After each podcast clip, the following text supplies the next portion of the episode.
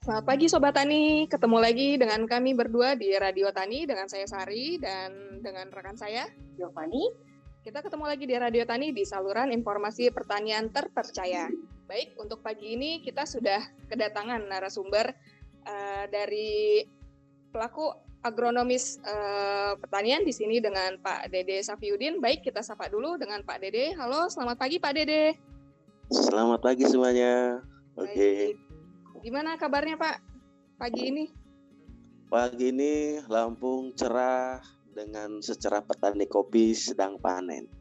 Alhamdulillah, semoga uh, selanjutnya hari ini dan hari berikutnya terus cerah dan baik ya Pak ya kondisinya. Ya, pasti dengan baik dan menerapkan protokol kesehatan juga jaga jarak. Ya, baik. Uh, baik Sobat Tani, uh, pagi ini kita akan berbincang-bincang dengan Pak Dede Safiuddin. Beliau adalah uh, kami perkenalkan dulu Pak Dede Safiuddin ini adalah pelaku agronomis uh, dari Lampung. Uh, beliau uh, adalah pelaku agronomis yang memiliki usaha di bidang perkopian, begitu ya Pak Dede ya? Ya, benar. Uh, sebelumnya mau saya luruskan sedikit uh, tentang nama Dede Saifuddin Pak. Ya Mbak ya, bukan Saif Safiuddin. okay. Oh Saifuddin ya Pak? Ya, Saifuddin.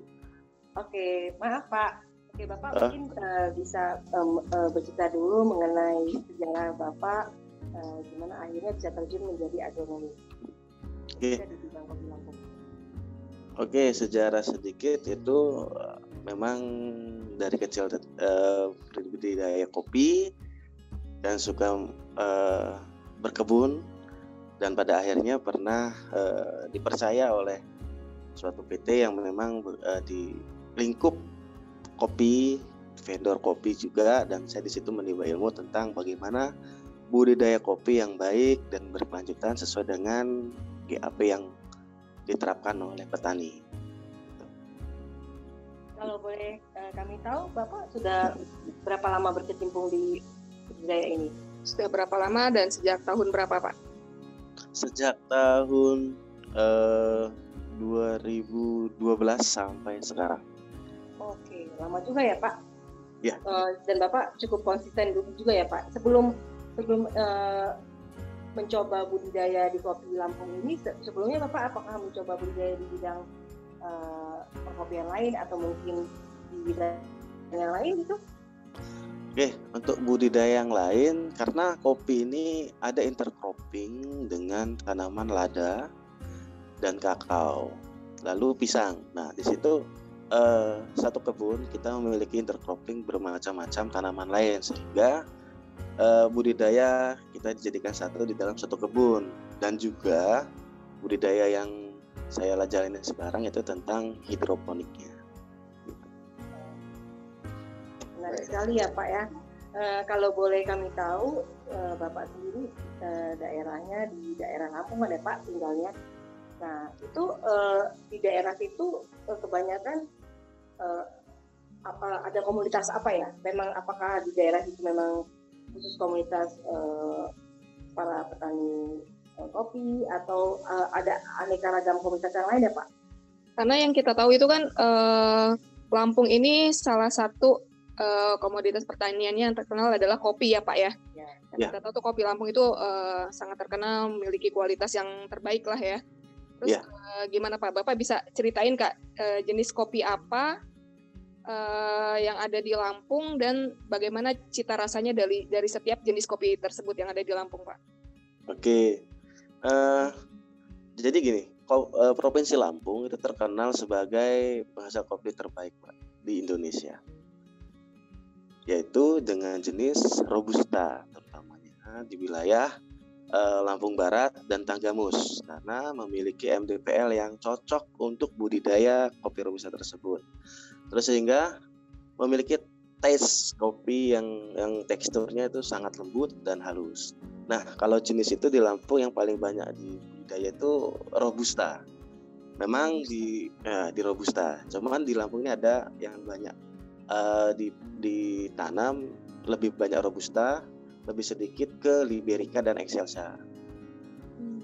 Nah, dari berbagai berbagai macam jenis, nah di sini Robusta memiliki klon yang mana klon ini identik dengan suatu daerah. Contoh seperti Tugu Sari, Komari, dan uh, Tugu Hijau. Nah, jadi kopi ini uh, robusta dia memiliki karakteristik yang sangat pahit, mbak. Pahitnya sangat kuat, strong. Jadi kalau orang yang udah minum kopi ini identiknya katanya nggak bisa tidur karena pahitnya hmm. tadi mbak ya. Terus dengan memiliki asam yang sedikit berbeda dengan arabica yang memiliki asam yang sangat kuat. Jadi robusta dan arabica kebalikannya. Terus uh, robusta itu sendiri uh, melambangkan kualitas dan cita rasa yang keunggulan. Khususnya bagi pecinta kopi, pecinta kopi itu dia tahu oh ini robusta. Dia pasti tahu dan karena dari aroma dan rasa itu sangat mantap. Oke, gitu Mbak mungkin dari yang tadi Pak Dede ceritain pada dasarnya di Lampung ini ada uh, ditanam empat jenis kopi ya kayak robusta, arabica, liberica dan satu lagi apa Pak? Excelsa. Ya mungkin pada akhirnya setelah dites ke pasar ternyata yang menjadi best seller dari kopi Lampung itu adalah robusta ya Pak ya? Ya betul sekali. Kemudian Bapak ini uh, dengan jenis kopi yang Bapak produksi uh, karakteristik nya apa Pak yang menjadi khas yang membedakan kopi Lampung dengan kopi yang lainnya Pak? Itu rasanya kopi Lampungnya itu bagaimana? Wah, ini kayaknya sambil ngopi sedap ini, Mbak. Jadi yeah. kita berbicara kopi sambil seruput kopinya. Ya. Oke, okay.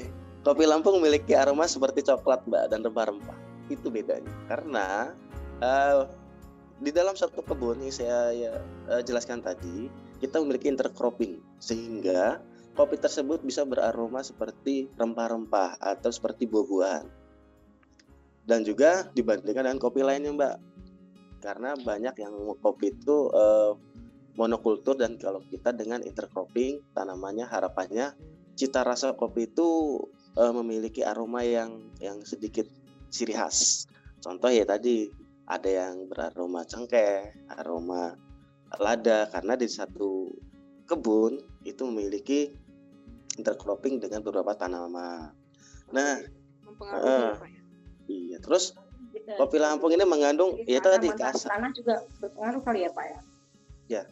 Terus kopi Lampung ini uh, ya tadi pahitnya sangat khas. Terus semua itu dipengaruhi oleh uh, pasca panen yang baik, Mbak. Contohnya pasca panen itu dengan uh, natural, honey wash, semi wash, kafein dan lain-lain. Jadi semua itu uh, untuk menghasilkan cita rasa yang berbeda dan khas dari kopi robusta Lampung. Gitu. Dan cara menikmati kopi ini juga tergantung roastingannya. Kalau roastingannya sesuai dengan permintaan dia medium, hard medium, itu kembali ke, ke pecinta kopinya. Sehingga rasa itu akan padat dan nikmat, Mbak.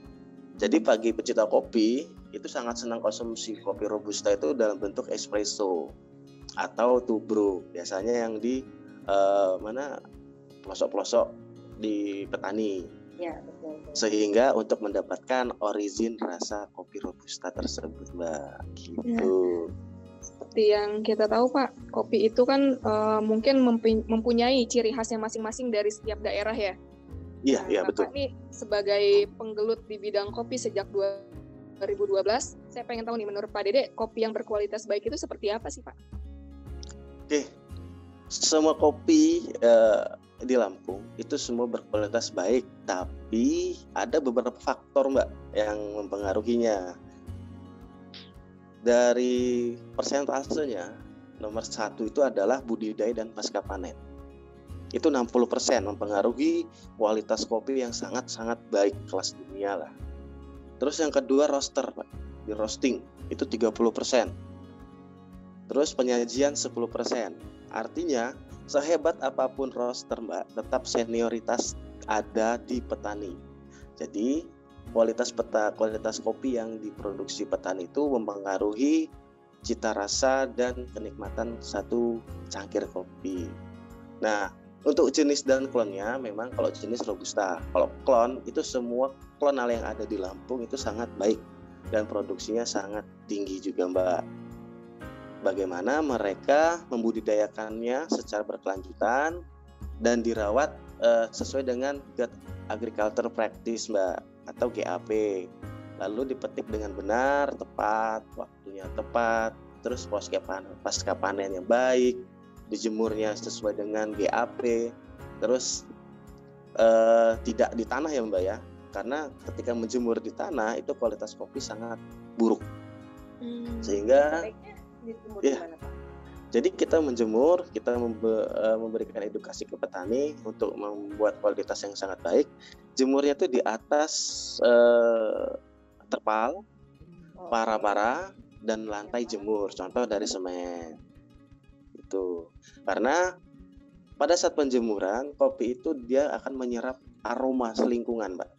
Ketika dia di tanah, jadi aroma kopi itu pada saat di roasting dia aromanya kurang baik, Mbak. Jadi ada aroma kayak tanah gitu. Jadi bagi penik pencinta kopi sangatlah uh, terganggu dengan hal tersebut, Mbak. Iya. Baik. Kalau saya boleh review nih dari penjelasan Bapak tadi uh, bahwa kopi yang berkualitas baik itu apa sih yang menentukan dilihat dari mananya nih. Kalau saya boleh review dari yang Bapak jelasin, uh, kopi berkualitas baik itu dilihat dari 60% dari produksinya, 30% dari roasting dan 10% dari penyajiannya gitu ya, Pak ya. Betul. Baik Pak, uh, terima kasih untuk informasinya di segmen satu ini. Kita break dulu. Kita, kita sambung kembali. Sambung lagi. Berapa telinga lagi. Berikut ini kita ketemu lagi Pak Dede. Oke. Okay.